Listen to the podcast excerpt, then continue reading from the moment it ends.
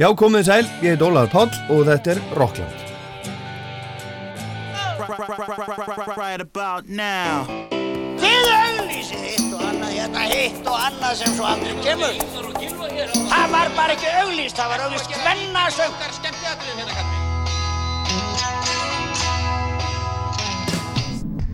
Hvað gerir kvöld? Kíkja á tónleikana? Ekki?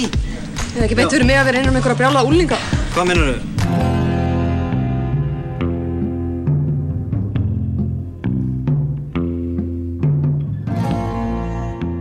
Djúran Djúran er á leiðinni til landsins og það verður í annarsinn sem þessir bítlar 80's krakkana koma til Íslands og spila en Djúran Djúran spilaði í Egilshöll 30. júni árið 2005 og nú er þess að koma aftur og spila þessu sinni í nýju lögadagshöllinni 25.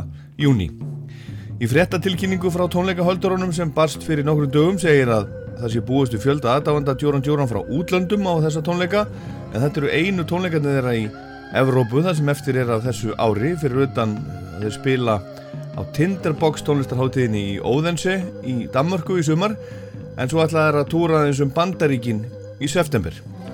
Þeir eru búinir að vera að spila talsverta sem afverð þessu ári í Evrópu og bandarækjónum og Söður Ameríku, Miðausturlöndum og Asíu. Þeir eru svolítið búin að vera mikið að spila.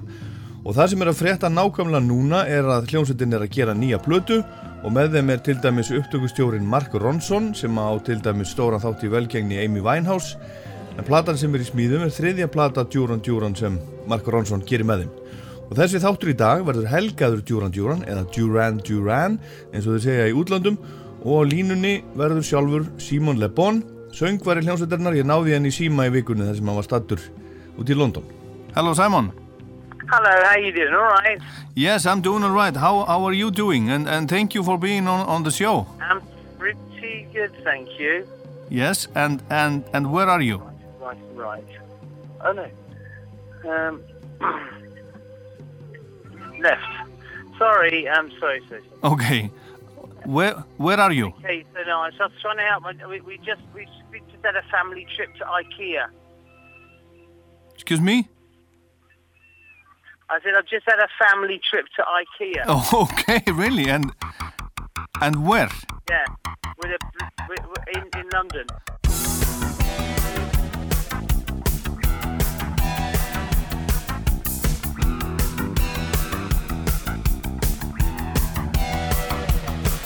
So soon, just after you're gone, my senses sharpen. But it always takes so damn long before I feel how much my eyes have darkened. Fear hangs a plane of gun smoke, drifting in our room. So easy to disturb with a thought, with a whisper, with a careless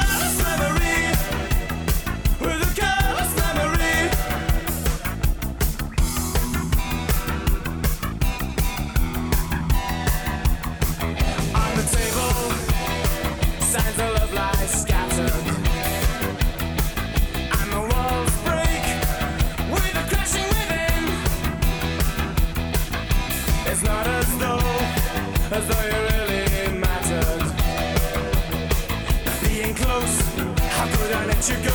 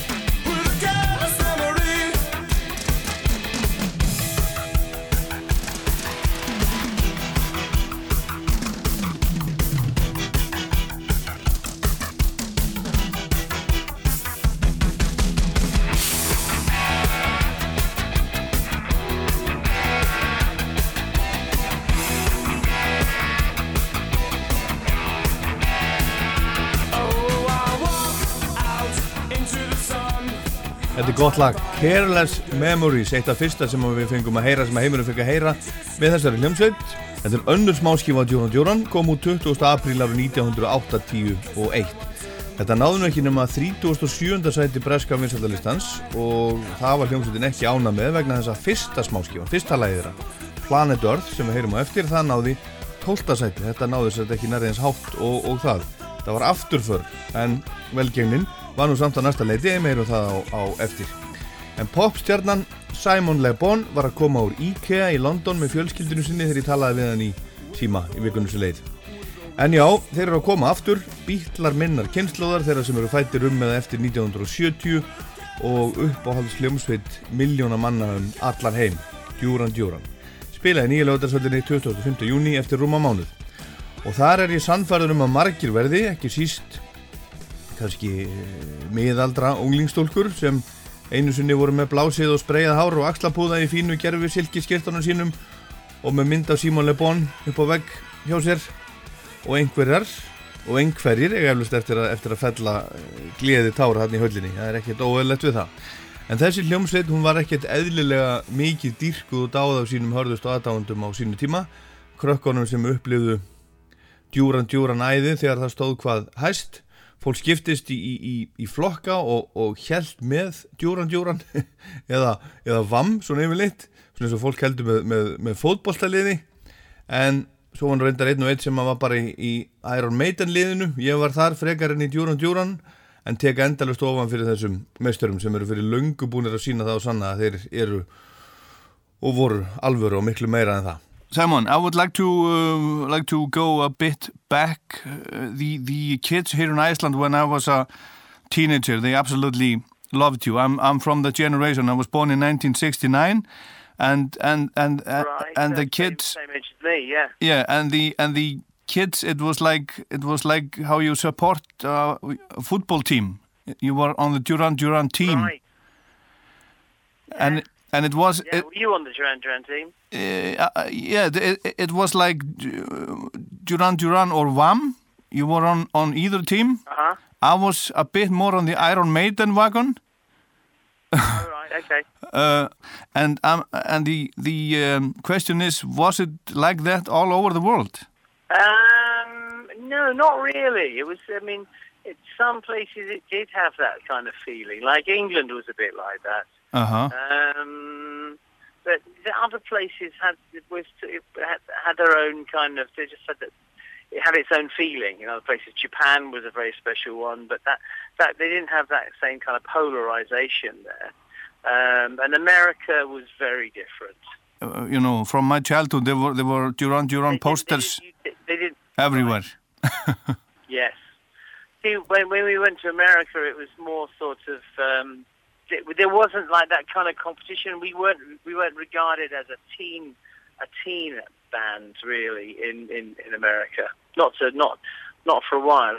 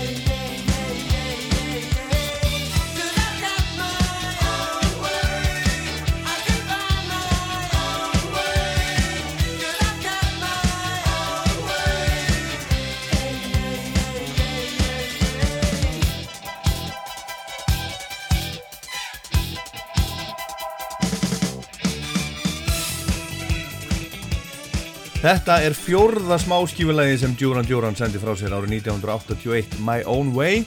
Þetta náði 14. sæti breska listans. En ég var hérna áðan að reyna að útskýra uh, Duran Duran vam stemninguna hjá 80s unglingunum fyrir Simon Le Bon og spurðan hvort þetta hafi verið svipað annar staðar.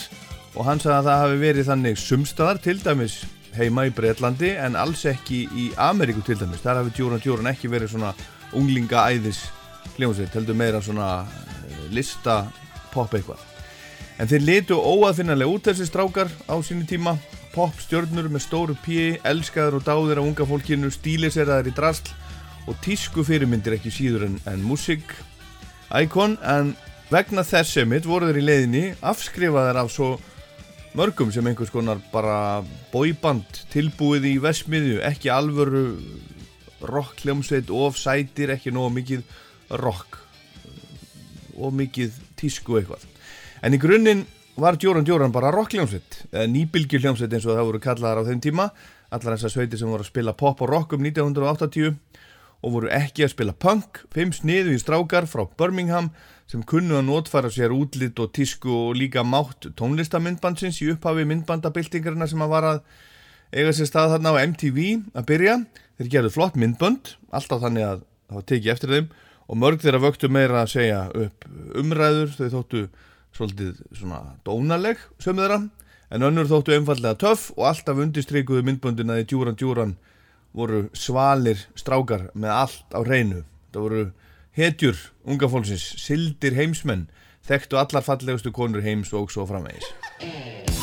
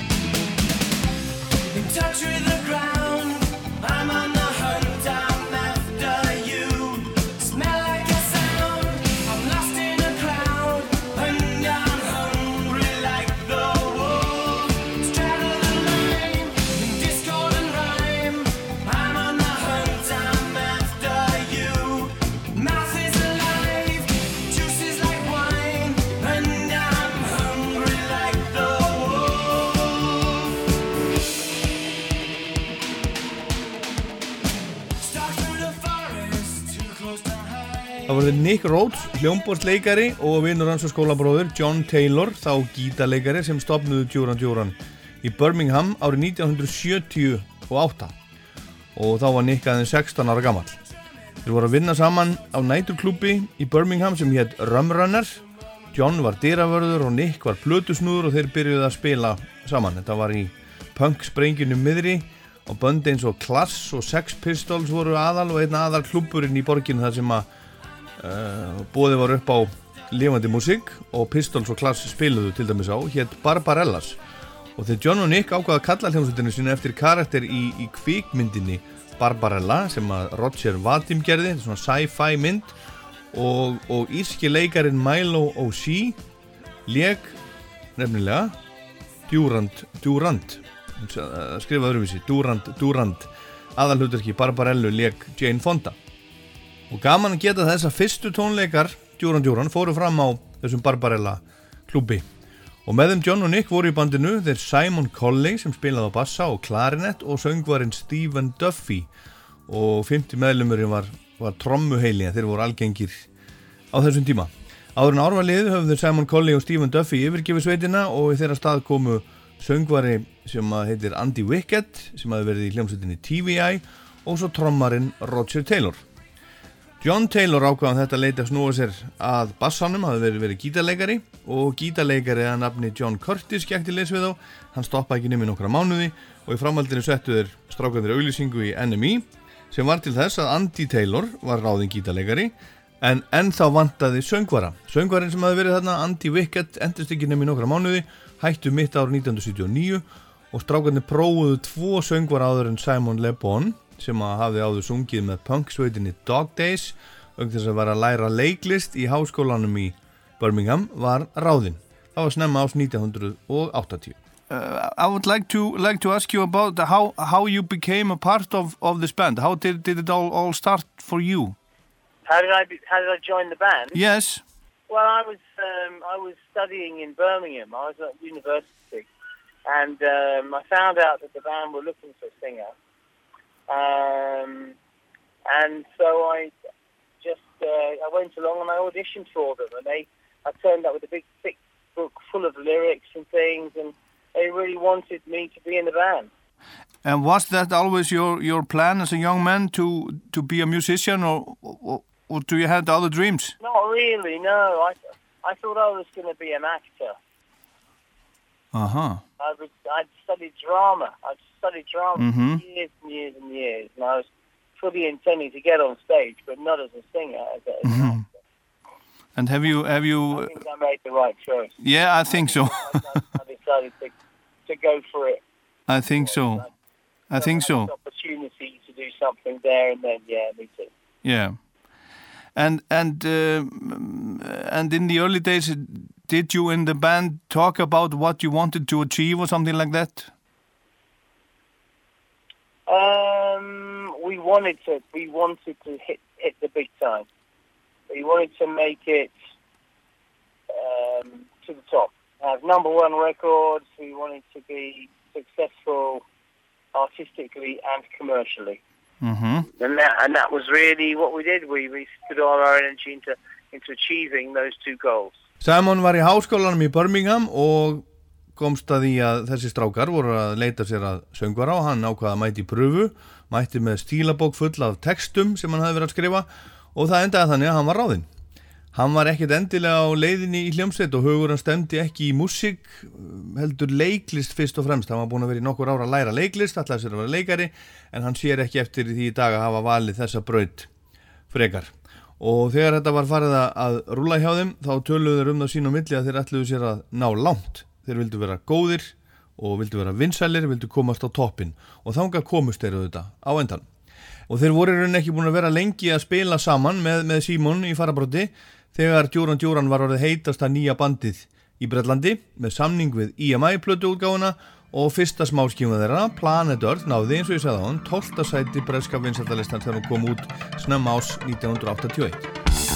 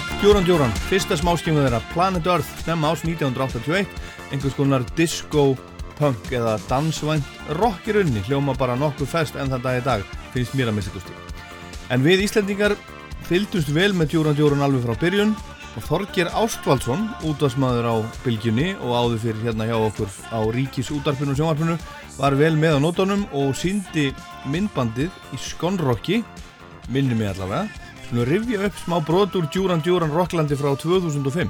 Jú, jú, þetta er rétt muna hefur. Já, já. Og uh, þetta er uh, eina af þessum, uh, já, ég gerði mér enga grein fyrir því þá þegar að, þegar að ja, skonrokkið hófst sko og átt að vera fjóri þættir, nú eru þau hvað 84 held ég. Já. Að ég lendi þarna í upphafi myndbandabildingarinnar og, og, og þá fóru, þá fóru, fóru fór veröldin að breytast og, og maður fór að heyra sko hefur séð Já. og þeir voru náttúrulega bóðverða nýða tíma síta aftan og, og, og þessi ja, það sem maður finnst í dag svona afkvaralegu klænaður en en, en hvernig ræðum maður því? Það var bara tískan á tíðarhandin og þeir verða svona kannski í mínu huga verða þeir svona í fórustu svona í í, þessu, í þessari músík nýbylginni eða, eða náttúrulega voru skröðleir og svona, það, far, það fara í útliti og hafði allt með sér þannig og á sviði mm -hmm. en e, músíkina ég nam hana nú ekki sko, sem, sem eitthvað sem maður myndi syngin í tósmörg á 20 árum liðnum en, en maður skilti það aldrei segja aldrei því að ég finn það núna á, á mínum afkvæmum sem að hafa þann aldur til að, að það er mikil tilhlökkun að fá þá hengað og, og, og sérstaklega hlæjaðu yfir myndunum frá þessu tíma þegar þeir horfa á tískuna og, og þeir eru eins og ég segi, þeir eru svona hvað við segja svona bítlar þessa tímabils. Og því er ég eiginlega alveg hjartalega sammála. Þessir ungu strákar frá Birmingham örðu á svipstundu eins konar leiðtógar nýrar tónlistastefnu sem kent var við nýromantík og einkendist af svona léttu melodísku poprocki og í rauninni nýjustu tísku í klæðinaði, hárgreðslu og öðrum. Fjölmiðlarnir í Breitlandi tóku miklu ástfólktur yfir strákana en það var hérna komið, komin fram fyrsta stórsveit nýs áratögar. Það var eitthvað alveg nýtt að gerast, nýtt sound, nýtt look og fjölmiðlarnir elska allt það sem er nýtt. Næsta lag sem kom út náði ekki bara einn á top 10, heldur var myndbandið bannað á BBC.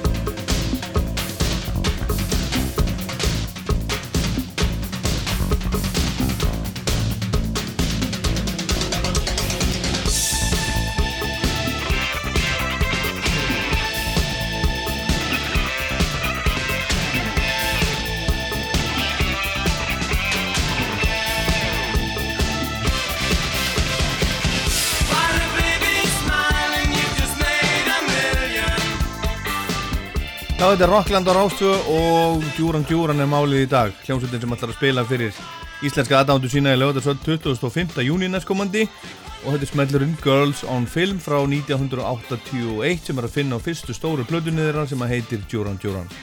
Kom út sama ár, náði þriðja sæti breska breyskjöfulistans og var á honum í rúm 2 ár og lengi vel voru það saman og góðu róli á listanum, fyrsta platan og þessi sem er nummið 2, Rio sem kom út árið eftir Eh, þeirri fyrstu eða um vorið 1982 hún náði öðru sæti braskalistans og þar eru fjölmarki smellir eins og Hungry Like the Wolf Rio, The Chauffeur og svo Save a Prayer sem ég held bara sveið mér þá að allir minni kynnslóð þykir bara svolítið væntum one of my absolute favorite songs from when I was a teenager, a song that, that always brings me uh, brings me back, you know, till I was, you know, I was 13 or something. Is is "Save a Prayer"? It's still one of my my, you know, it's a it's a dear song to me. Save a prayer. Yeah, "Save a Prayer." It's it's a yeah, it's yeah. a it's such a great song. It it always you, brings. You weren't, you weren't 13. You were about 21. 20, you were 22.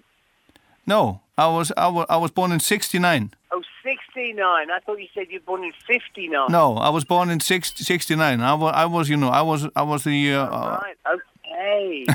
it was oh, the. You're it, a puppy, a young pup. Yeah, yeah, yeah, yeah. I am. yeah. Uh, yeah. I would like yeah. to ask you about, you know, how that song came about and and you know the story behind that song.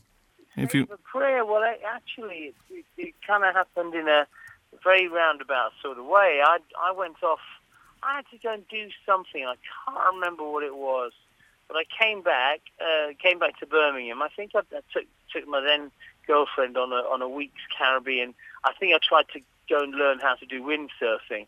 Uh-huh. All I ended up doing was getting terrible sunburn. um, and I came back, and the band had been working for a couple of days, and they had the song. They they already had started working the music and but they didn't have a top line for it at all. They didn't have any melody or lyrics.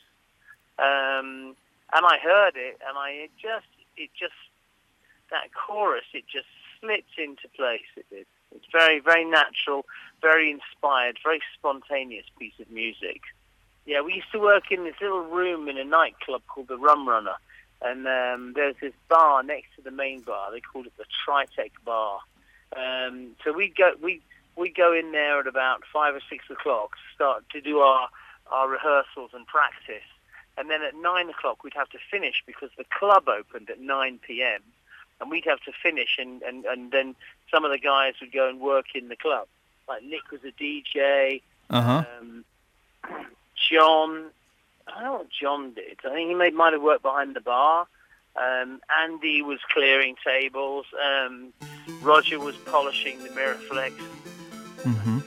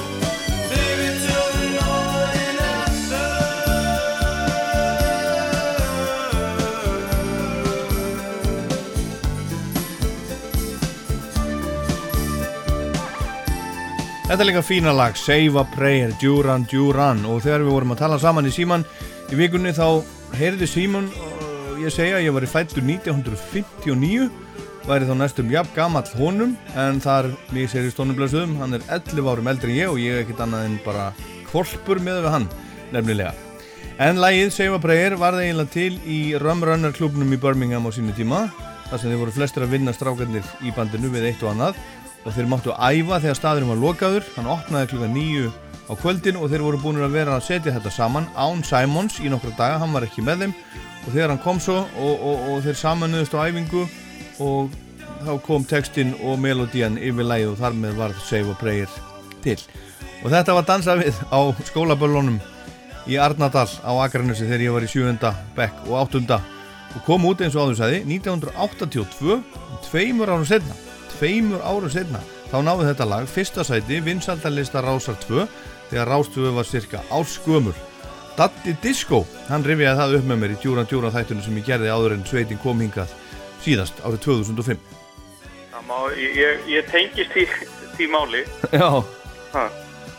Það var þannig að hérna, eh, ég var blötusnöður starfandi á skemmtlistan Traffic sem var nú einn af hérna, úrlinga skemmtistöðunum og þar heldum við eh, óvolegu djúran djúran kvöld og ég mani mitt að bóðsmiðin hann var áritaðar nærbuksur sem að, sem að hérna vantanlega gerti fengu sendar. Og hérna það voru margir merkir menn sem að komi að undirbúningi þessara kvölda og, og þar voru nú fremstir í flokki ef ég mann rétt Stefan Baxter breykari Rúrik breykari sem að hérna er lögfræðingur hjá held ég sjó á almennum. Já. Og hérna hérna Friðrik sem að nú er starfandi hjá auðværingisráðanettinu að ég held í Kaupmannhöfn og eh, þannig var að, að á þessum kvöldum að þá bara spiluðu við djúranlög frá klukkan 10 til 3 og ekkert annað. Og það voru ími skemmti að triði og menn alltaf upp á klættir í, í búninga við hæfi.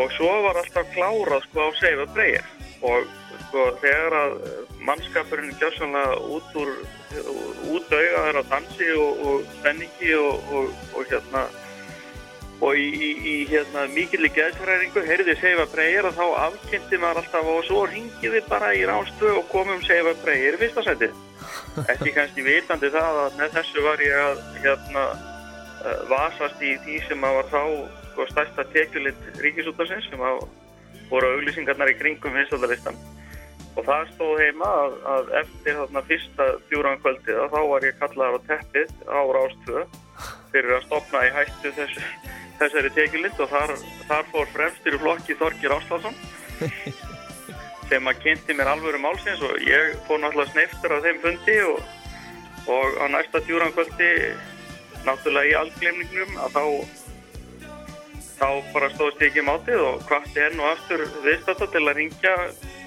upp á Rás 2 og, og þegar að þarna var komið við sögu þá held ég að sko Seifa Breyer hafi fengið sko einhver 1800 atkvæði eða það, það var einhver einhver svona mörgu svona meira heldur en það lag sem að þá vikuna uh, satt í fyrsta seti.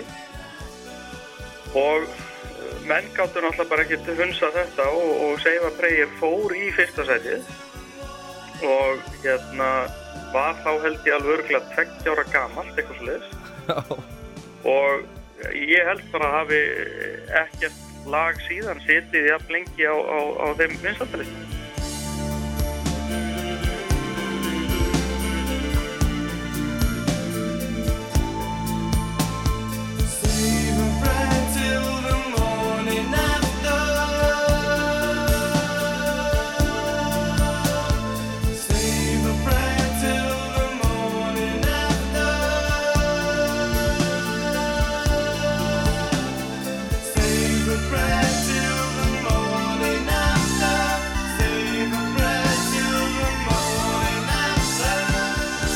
Þannig eftir að önnur stóra plata Djóran Djóran Ríó kom út var sveitin farin að vekja talsverða aðtegli í Ameríku líka.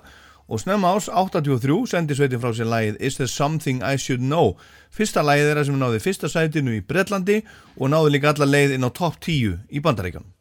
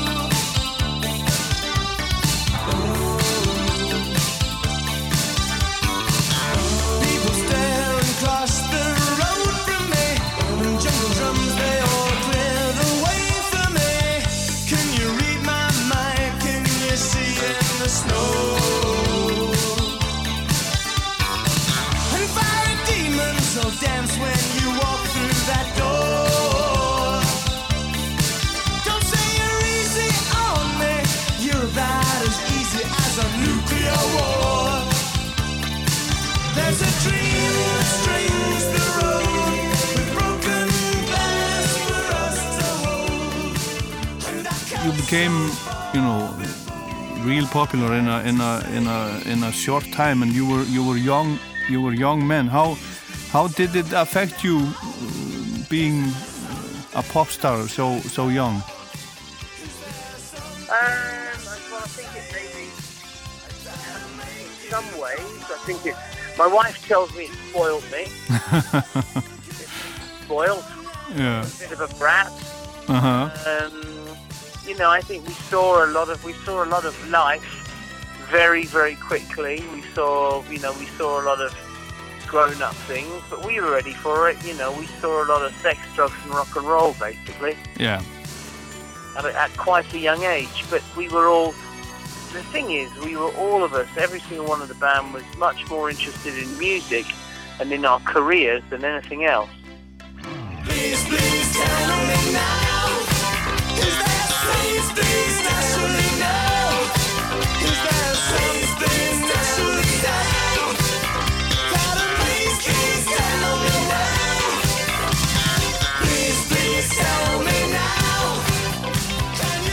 Já, Simon Le Bon segir að þeir hafi hratt og örglega kynst til ljúfa lífi eins og sumir kalla það, aðrir kalla það eitthvað allt annað sex, drugs and rock'n'roll en hann segir þeir hafi náð þrátt fyrir allt að höndla það bara nokkuð vel.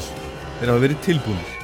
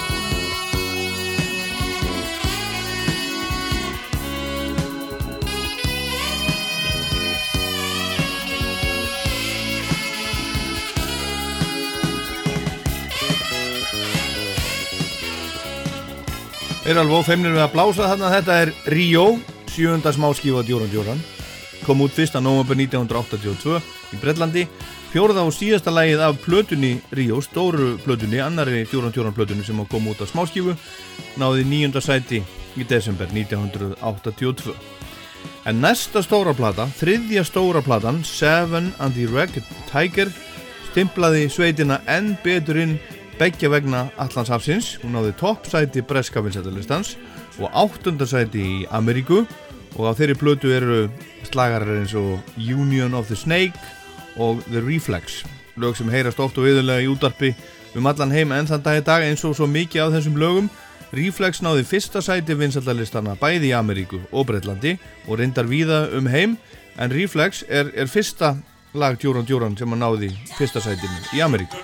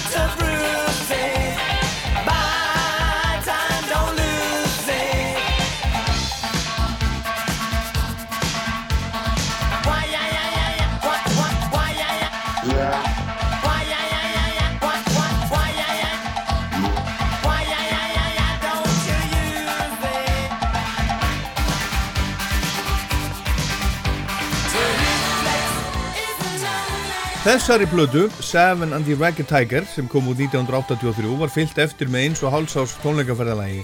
Um heiminn, svakalegu tónleikaferðalagi. Og því loknu tók sveitir sér dáliti frí. En svo í november 84 heyrist við um aftur þegar þeir sendu frá sér smáskífuna Wild Boys sem náði öðru sæti vinsaldalistans bæði í Ameríku og Breitlandi og gaman að geta þess að Djóran Djóran gerðu eins og bítlarnir að minnst stundum sum smáskífulögið þeirra komu ekki út líka á stóru plötunum heldur voru bara á litlum plötum. Is There Something I Should Know? Og Wild Boys eru dæmið það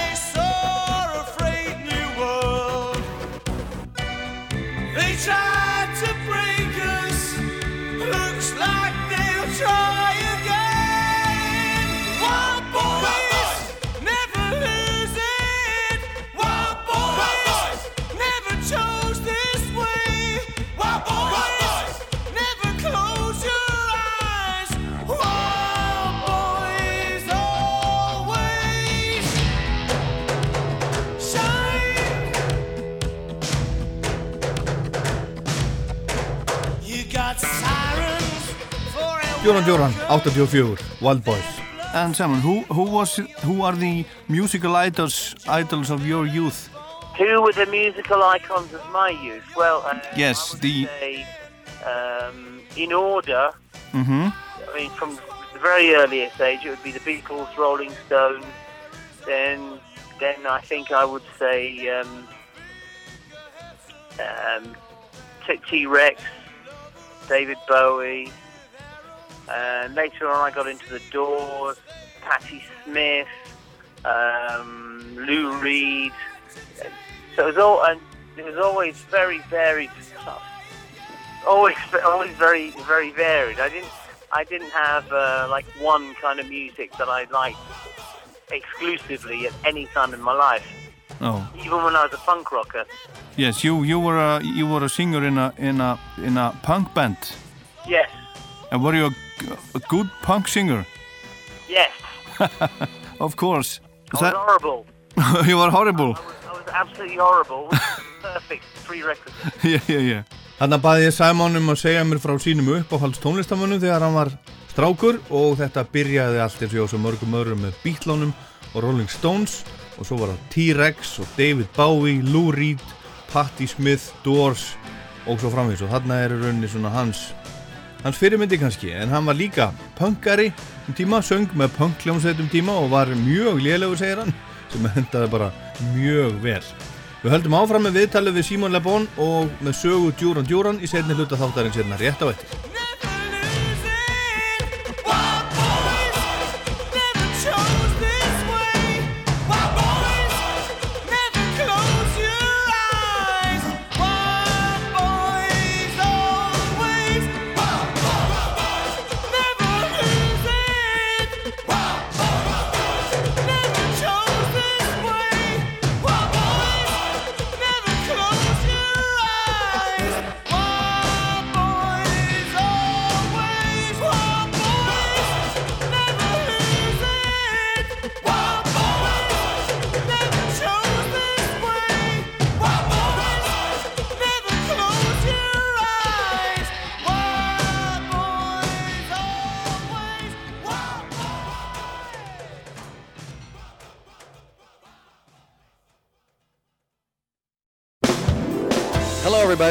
This is Wayne from the band The Flaming Lips, and you're listening to the Icelandic National Radio 2. And the program at the moment is called Rockland. And I hope you enjoy it. I have.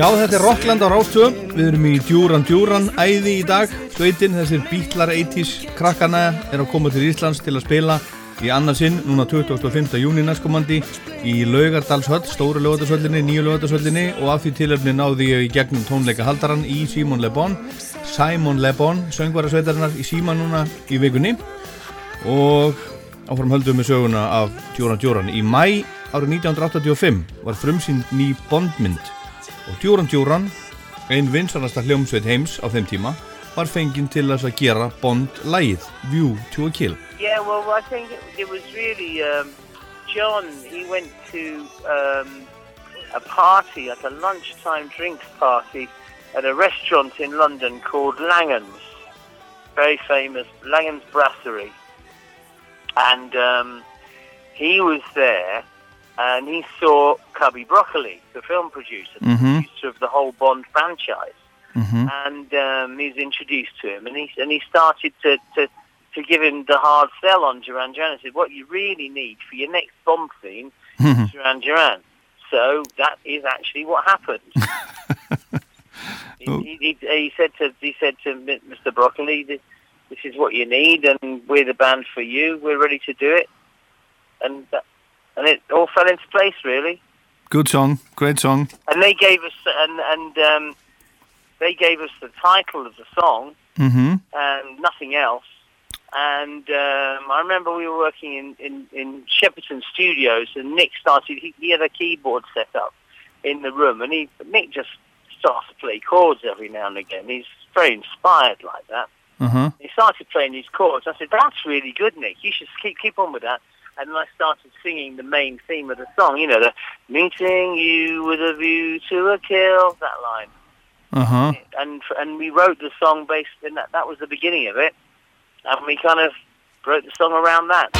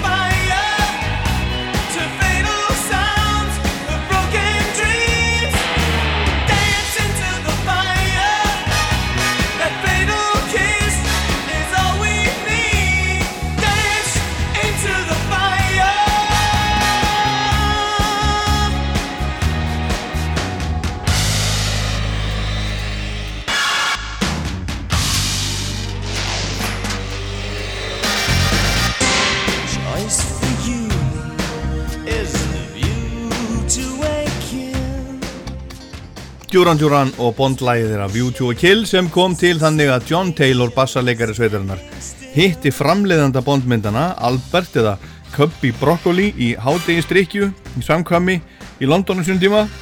Það var einhver sem kynnti þá og John segir við þennan Cubby eins og hann var, hann var kallaður Ég veit hvað ykkur vandar eða hvað þið vandar fyrir næstu Bondmynd. Það er bara það að Duran Duran geri Bond-lægið og það varð úr þeir fengu titillagsins View to a Kill og ekkert annað og svo bara fættist þetta lag. Lagi kom út í mæ 1985 samhliða frumsýningu myndarinnar og í júli var Duran Duran einu stóru hljómsveitunum sem spiluðu á Live 8 ekki í London eins og maður hefði kannski haldið heldur á JFK Stadium í Philadelphia það var spilað sagt bæði í London og JFK Stadium á sama tíma og þessum var sjónvarpað út um allan heim Þeir spiluðu um kvöldið, næstu númer á undan þeim voru Eric Clapton, Phil Collins, Led Zeppelin og Crosby, Stills, Nash og Young. Svo komu þeir. Og það verður nú að segjast eins og er að þeir voru nú ekki kannski eitt af allra bestu böndunum á Live 1. Og með þess að það ekki þannig í, í minningunni, Það voru ágættir alveg, en það er sérstaklega minnistætt hvernig Rödd Simons brast einmitt í View to a Kill og hann hefur talað um það sjálfur sem mesta bömmir ferilsins. Röddin bara, hún brast. Ætla að syngja hérna Tony Lane og það kom bara einhvern, einhvern óhljóð. Þeir sem sáu þetta og heyrðu munna það örglega margir en þá, gleyma aldrei. En tveir úr Duran Duran spiluðu á Live 1 fyrrum kvöldi líka, þeir Andy og John Taylor sem stopnuðu í, í, í hliðinu sem að Duran Duran tók sér þarna síla ás 84 hljómsveitina Power Station á samt söngvaranum Robert Palmer sem að er núna í látin. og gamla Chic trommaranum Tony Thompson sem er líka látin og Power Station gáð plötum voru 1985 sem bara sló svolítið í gegn, náði sjötta sæti bandarinska listans og tólta sæti í Breitlandi en hvað fannst nú Simon Le Bon og þeim hinnum djúranmönnunum um Power Station á sínum tíma? It was um, the thing about Power Station was that it was something.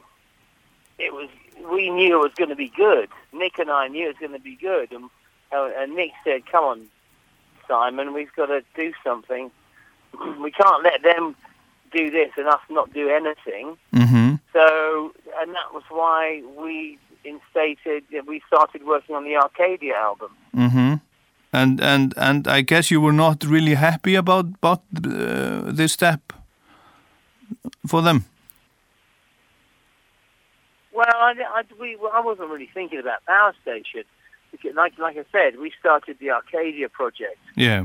You know, we got, we got, um, when we started getting incredible guest artists to come and work with us, people like Herbie Hancock, Mhm. uh, Grace Jones, um, Sting. You know, we got, and we, we got, and suddenly it wasn't really an issue what uh, John and Nick, what John and Andy were doing in New York because we had our own project which was easily as interesting Mhm. that we were working on in Paris.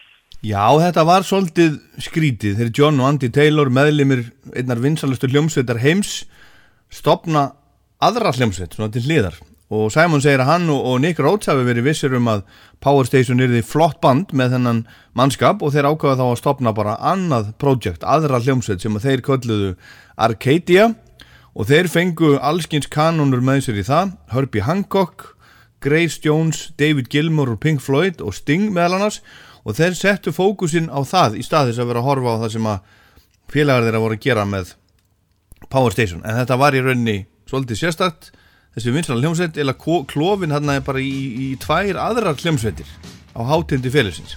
En við skulum heyra þekktasta lag eða allavega annað tveimur þekktustu lögum Power Station. Þetta er í april 1985 rétt áður en View to a Kill kom út.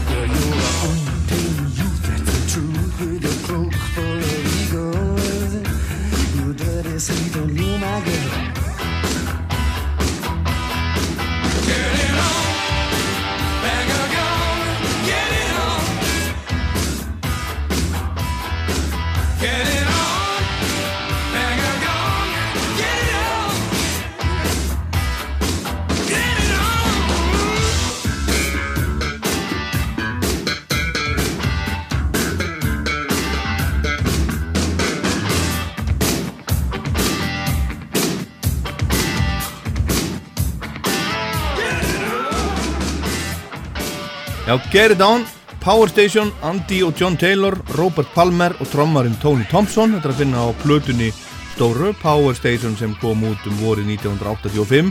Gammal T-Rex lag eftir Mark Bolan kom fyrst út með T-Rex 1980 1971. Það hljóma svona á plötunni með Power Station og það er líka að finna annar lag sem var svolítið vinsalt sem að heitir Some Like It Hot. En eins og áður sagði, þá sátu hinnir þrýr í djóran djóran ekki auðum höndum og, og fylgdust með, með Power Station þeir stopnuðu Arcadia Samuel Le Bon, Nick Rhodes og tromman Roger Taylor. Og Arcadia sendi frá sér plötuna So Red the Rose sem haustið 85 án þess að hún gerði neinar sérstakar rósir ekki nema hvað lægið Election Day vakti smá aðtigli en það var meiri áhugi, mun meiri áhugi á Duran Duran heldur en báðum þessum, þessum hljómsveitum En Djúran Djúran kom sérstaklega fram á þessum uh, magnaða tónlistar viðburði sem Live 8 tónleikarnir voru á John F. Kennedy Stadium í Philadelphia í Ameríku lögadaginn 13. júli 1985 og þeir tónleikar urðu án þess að það væri planað síðustu tónleikar Djúran Djúran í mörg ár með upphálega bandinu sem að, sem að slói gegn Nick og Simon og Taylor og þrýr. Yes, that's true. It's absolutely true. Yeah, because I think um, I think what happened was Andy Andy really had decided that he, his heart was in, in, in music, like in rock music, and he didn't want to carry on as Duran Duran anymore. So it, it was it was difficult because he wasn't totally straight with us at the time, mm-hmm. um, and we thought we could get him back, and we and we started working on our, on our next album, which is Notorious, the one we started with um, Nile Rodgers. Mm-hmm. And uh, all that time, we thought that we were going to get Andy back in the band. But he'd already made up his mind a long time before that he'd had enough of that. And he wanted to do his own thing. This one, about a little friend of mine, and it's called The Reflex.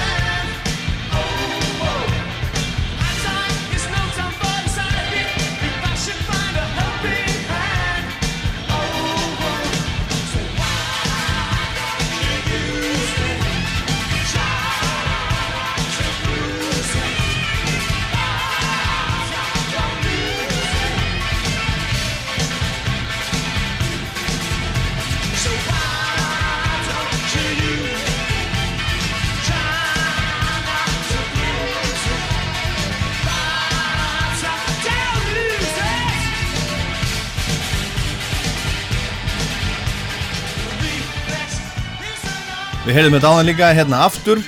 Síðasta lag gullaldarlið Stjúran Djúran í mörg ár. Síðasta lagið af fjórun sem við spiluðu á Live 8 1985, þetta er upptakað þaðan. Við spiluðu Reflex, hinn voru View to a Kill, Union of the Snake og Save a Prayer. Eftir Live 8 þá var ákveðið að taka smá frí enda þessir ungu menn búin að vera á brjálari siglingu stanslöst í fjögur ár. En snemma árs árið eftir 86 barst tilkynning frá trommaranum Roger Taylor um að hann ætlaði að taka sér ársfrí frá hljómsveitinni sem hann gerði. Hann var bara uh, þreyttur, búin að vera á líkama og sál.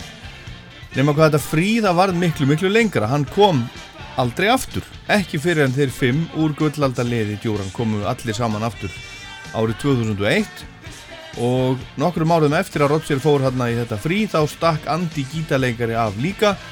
Hann uh, langaði að spila meira rock, vildi ekki vera lengur í djóran djóran og þá voru þeir eftir bara þrýr en ákvaða að halda ótröður áfram voru byrjaðir á næstu plötu. Og síðla árs þarna 86 kom út platan Notorious fyrsta plata djóran djóran í næstum þrjú ár. Hún gekk alveg þokkalega þó svo hún næði ekki alveg sömu hæðum og, og platan á undan en hún seldist í platinu í Ameríku til dæmis. Og titillægi náði inn á topp 10 víða um heim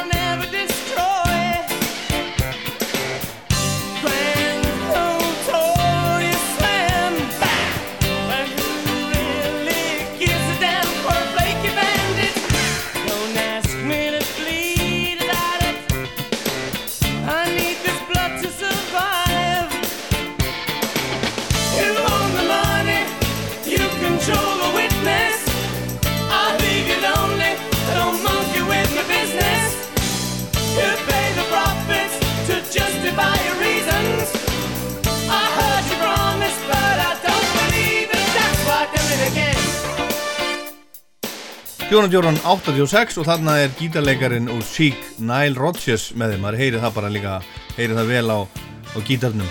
Gítarnum sem var með David Bowie á Let's Dance blöðunni og var með, var með Daft Punk a, a, í Get Lucky svona til dæmis.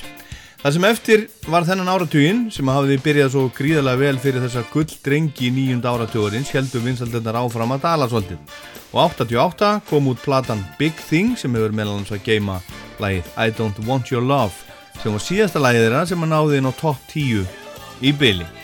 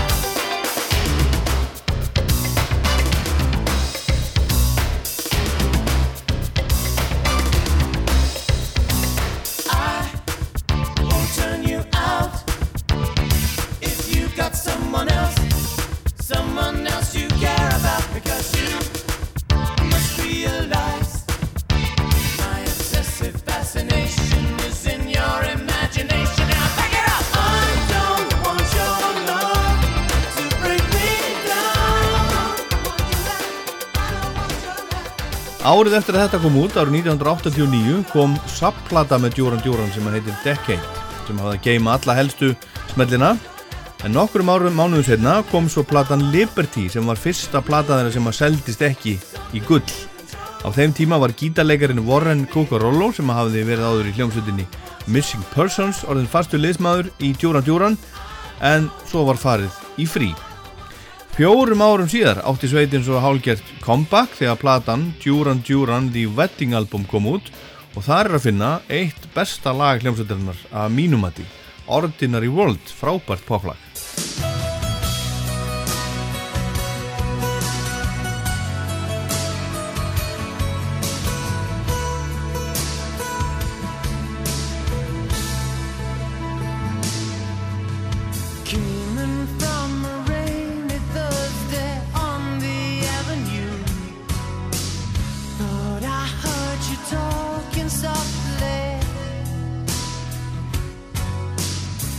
tonight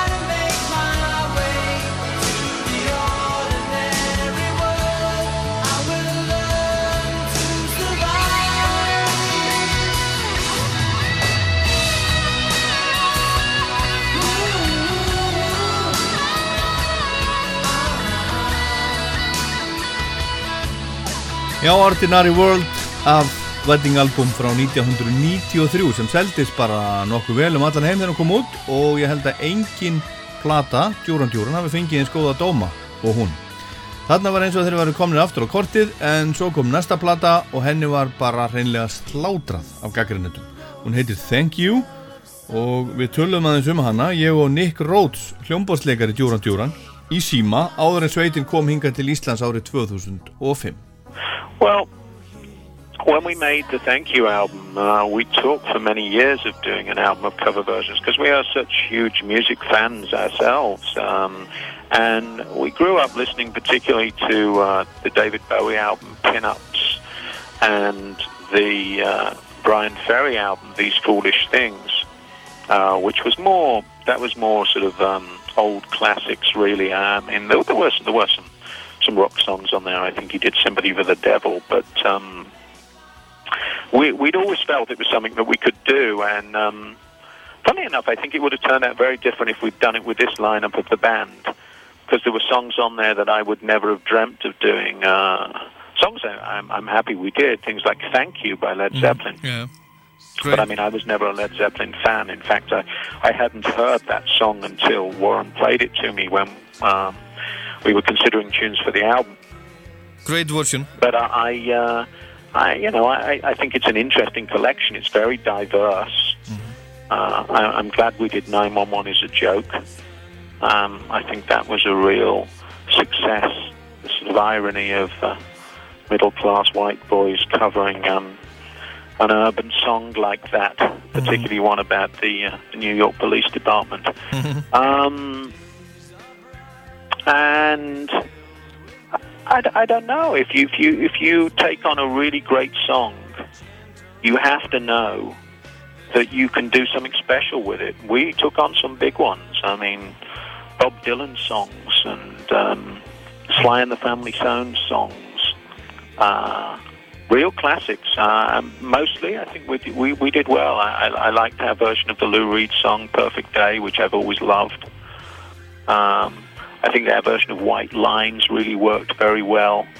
Uh, in hindsight, we probably shouldn't have done Ball of Confusion. Uh, that didn't turn out as, as as we really wanted it to. Uh, but I don't know. It's it's a great exercise. For it's it's um, it's something we did somewhere along the line. I'd like to do another one. Okay. Thank you too. Já, Nick Rhodes, lömbasleikari Djóran Djóran sagði þarna þegar við spjöldum saman árið 2005 að þegar þeir í loksins gerðu plötuna Thank You hafið þeir verið búin að ræða það áru saman að taka upp plötu með lögum annara en það hafið alltaf tíð verið miklu tónlistar unnendur allir í hljómsveitinni og svo áttu þetta sér fyrirmyndir til dæmis í Pin-Ups plötu Bávi frá 1973 og Those Foolish Things sem Brian Ferry sendi frá sig sama ár en á báðum þessum plötum eru þessi ídol þeirra djúran pilda að syngja mörg af sínum uppáhaldslögum og þá langaði að gera eitthvað svipað. Og Nick segir að platan hefði líklega orðið allt öðruvísi ef klassíska bandi Djúran Djúran, fræga útgáðan, hefði gert hana. Hann hafði til dæmis aldrei heyrt titilægið, Led Zeppelin-lægið Thank You fyrir en gítalegarin Warren Cucarollo spilaði það fyrir hann og hann sagði þarna á þessum tíma að hann væri bara ánaður með þessa blötu og lagavalið. En þannig eru til dæmis Lay Lady Lay eftir Bob Dylan, Doors lægið Crystal Ship Perfect Day eftir Lou Reed Watching the Detectives eftir Elvis Costello og hitt og þetta og þetta titilhæg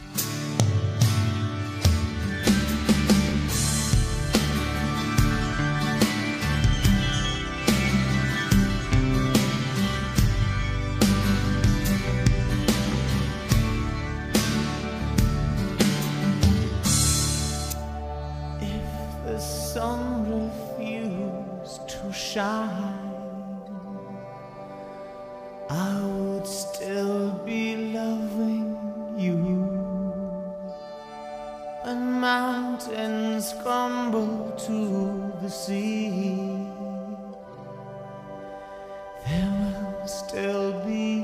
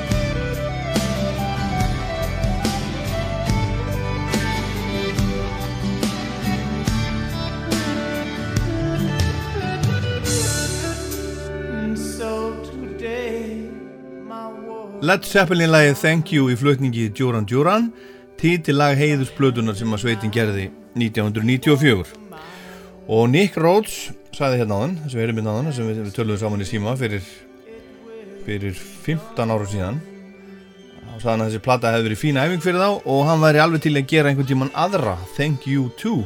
En þessari Thank You blödu var slátrað af gaggrinendum á sínum tíma.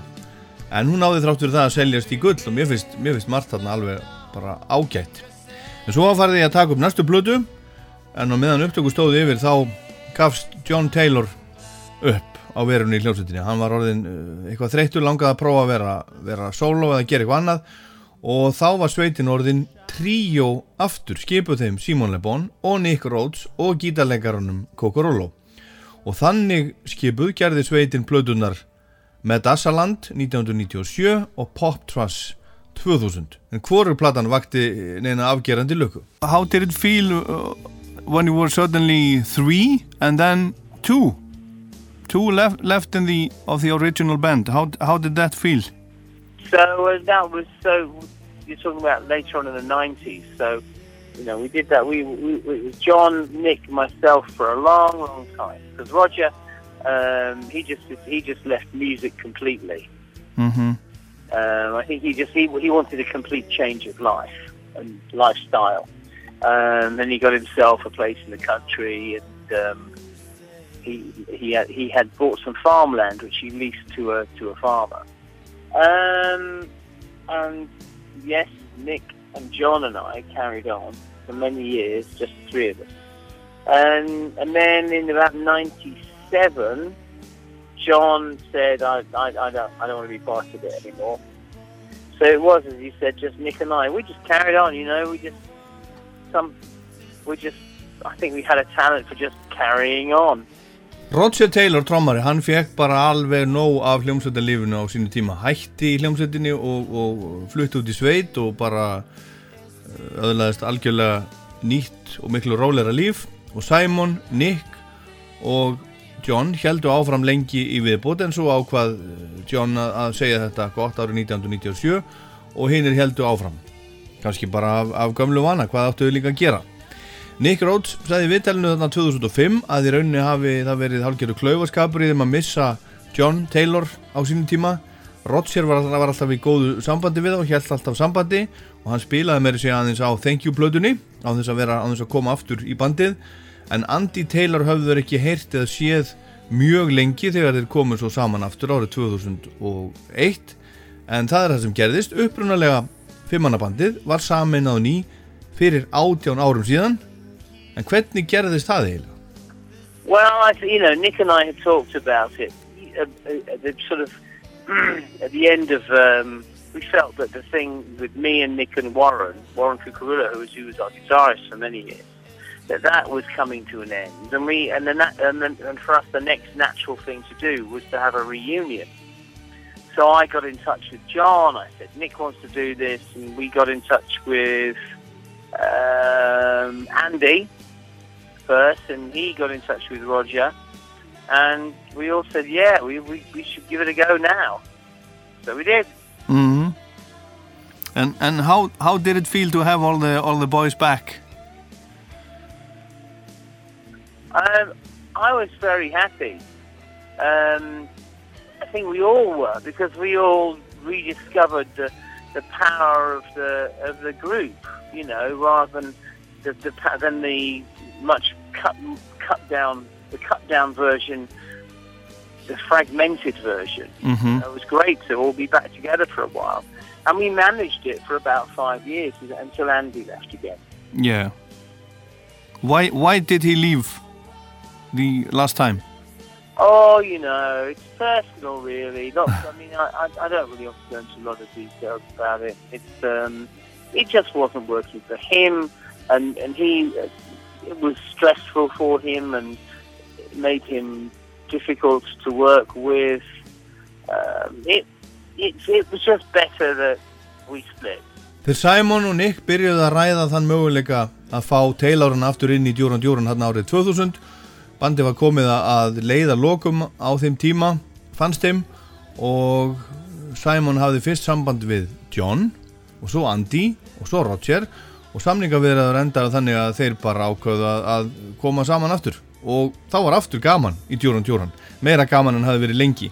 Og þeir fimm spiluðu saman í fimm ár komu meðal annars hingað til Íslands en svo koma því að Andy gítarleikar ákvaða að yfirgefa þá aftur og Simon vildi ekki fara út í hvað allir því. Þá, það er og persónlegt saman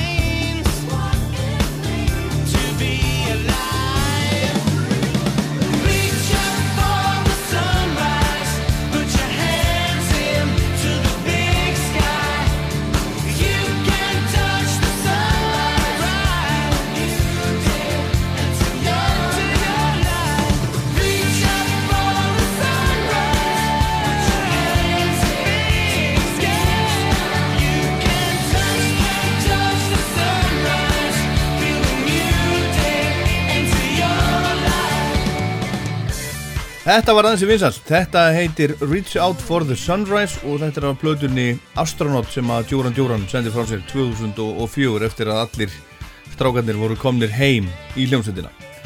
Talsverður smellur og kom hljómsveitina heldur betur aftur á kortið og þetta var sér nýjasta platan þeirra þegar þeir komu hinga til Íslands, Íslands árið 2005. You are uh, coming to Iceland now for the for the second time. It's it's been it's been 14 years, 14 years since you played the last time. It's quite a long time. I know, it's a long time, isn't it? Yes, Yes. And can you name a, a, a few highlights from from your career from from these uh, last 14 years? Um, from highlights of my career for the last 14 years. Yes.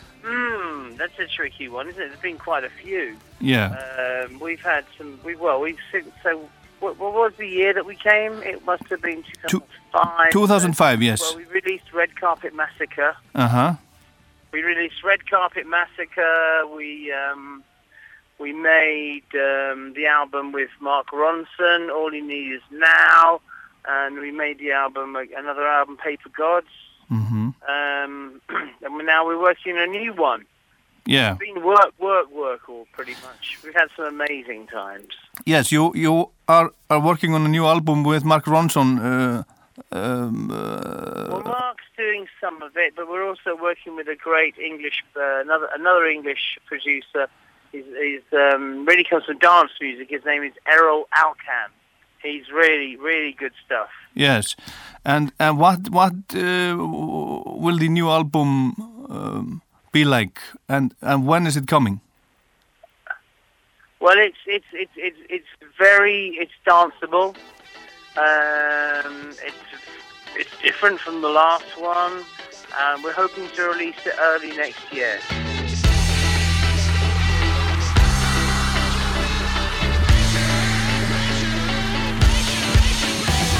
The past is another country. Will never last. The future, it's still tomorrow. Are we living too fast? Searchlight the crowd, I fix on your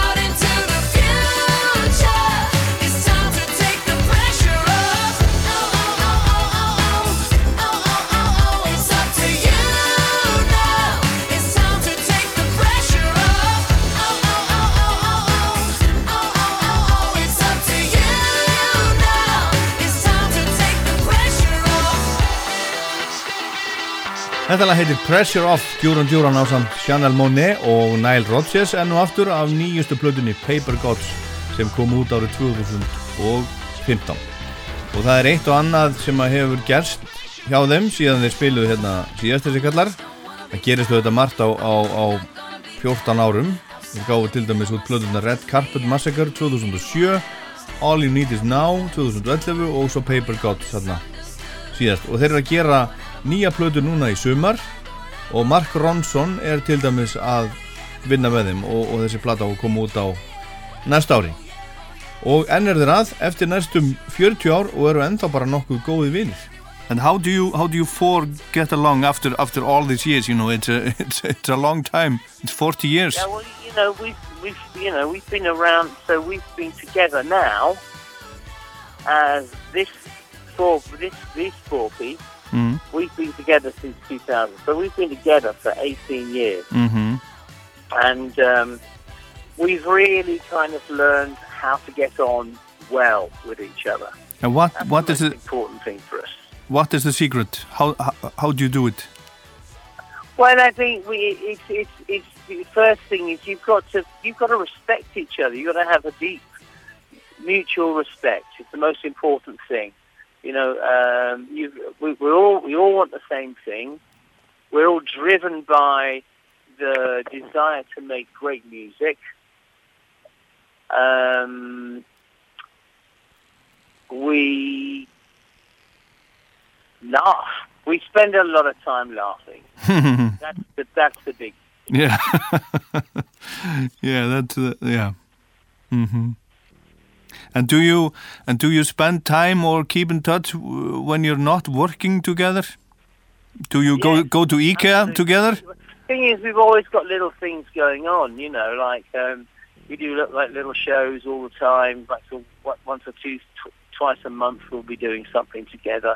And then there's social things. So, you know, I've got a big, I've got a, I've got a celebration coming up soon, and, and all of the band are coming to that. John's coming over from America. Um, we're friends. We're very, very close friends. Mhm. We kind of rely on each other, to be honest with you. Já, Simon Le Bon segir að þeir djúran menn séu góðir vinnir og líkillin að velgengni sé gagfæm virðing. Okkur kemur vel saman og við hlæjum mikið, segir hann, og við stólum hver á hann. Og þeir halda líka sambandi þegar þeir eru ekki beint að, að vinna saman. And Simon, have you have you ever been through through through a period where you have wanted to just pull the plug, you know, and say it's over? Um, I'll be honest with you. I think there are times when everybody in the band has had that feeling that this is it, we've had enough. But you know what you you know what you've got to remember about a band is that it's a band and there's a bunch of you. Um, no one person can do that on their own, and there's always three other guys to talk you out of it, and to and to and to kind of tell you how great it is to be together and to carry on doing it. Um, yeah, so it, it works for us. Yeah. Why are your latest albums not on Spotify? Um, I have no idea. I don't know a lot about that sort of thing. Já, Simon hefur oft langað til að segja þetta bara gott og hætta. En svo tilfinning hefur líka komið upp hjá öllum í hljómsveitinni en hinnir hafi alltaf náða að tala til þann sem að vildi hætta. Þetta er hljómsveit og það eru alltaf aðrir þrýr sem að ná að, að segja þeim sem er neikvæður á þeirri stundu að þetta sé nú bara allt í fína lægi og of gott til þess að til að kveðja það. Og svo spurði ég Simon hvernig sagði því að, að nýjustu plötuna þeirra væri ekki á Spotify og hann sagðist bara ekki hafa hugmyndu það. En nýjasta stúdíoplatan þeirra, heila platan sem er á Spotify, er Thank You platan frá 1995 en, en smáskífulögin, einstæðingarnir eru þarna líka þeir nýjustu.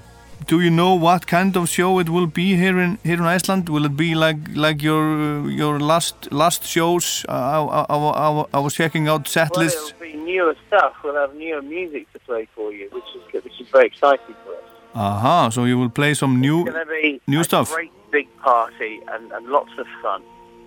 Yeah. Everybody can stay up all night long. Simon segir að þeir ætla að spila vel og lengi í Reykjavík og eitthvað af alveg splungu nýjum lögum.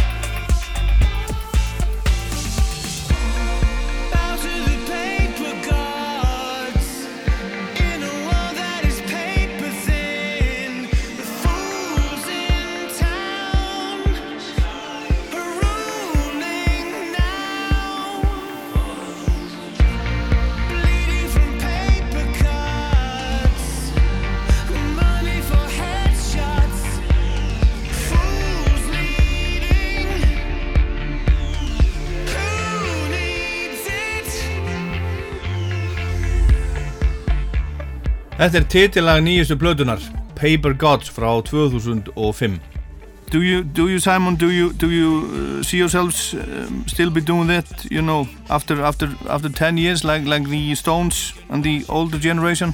Yes. You will? Absolutely. Yeah. You will Yeah, be, you will, you, you will be uh, 75. I will be, indeed. Já, Simon Le Bon segir að Duran Duran sé langt í frá að hverfa. Þeir ætla að vera að lengi í viðbót bara eins og Rolling Stones. Duran Duran muni spila þegar þeir kallarnir verða komnir á áttræðisaldur eins og Rolling Stones. Og þannig endum við Rockland í dag. Endum á öðru lægi af Paper Gods lægi sem heitir What Are The Chances sem þeir gerðu strákarnir með John Frusciante fyrir um gítarleikara Red Hot Chili Peppers. Og Ég endur tek enn og aftur Djúran Djúran spilar í Reykjavík 25. júni. Ég minni svo á Rockland á rúf.is í rúf spilarannum og hlaðvarp podcast þar sem að þið nálgist slíkt og ég minni líka á Rockland mælir með lagalistan á Spotify sem eru uppfærður í byrjun hvers mánaðar og mælistin löngu komin tilvalið að fylgja í þá follow takkan. En ég heit Ólaður Páll Gunnarsson, takk fyrir að hlusta.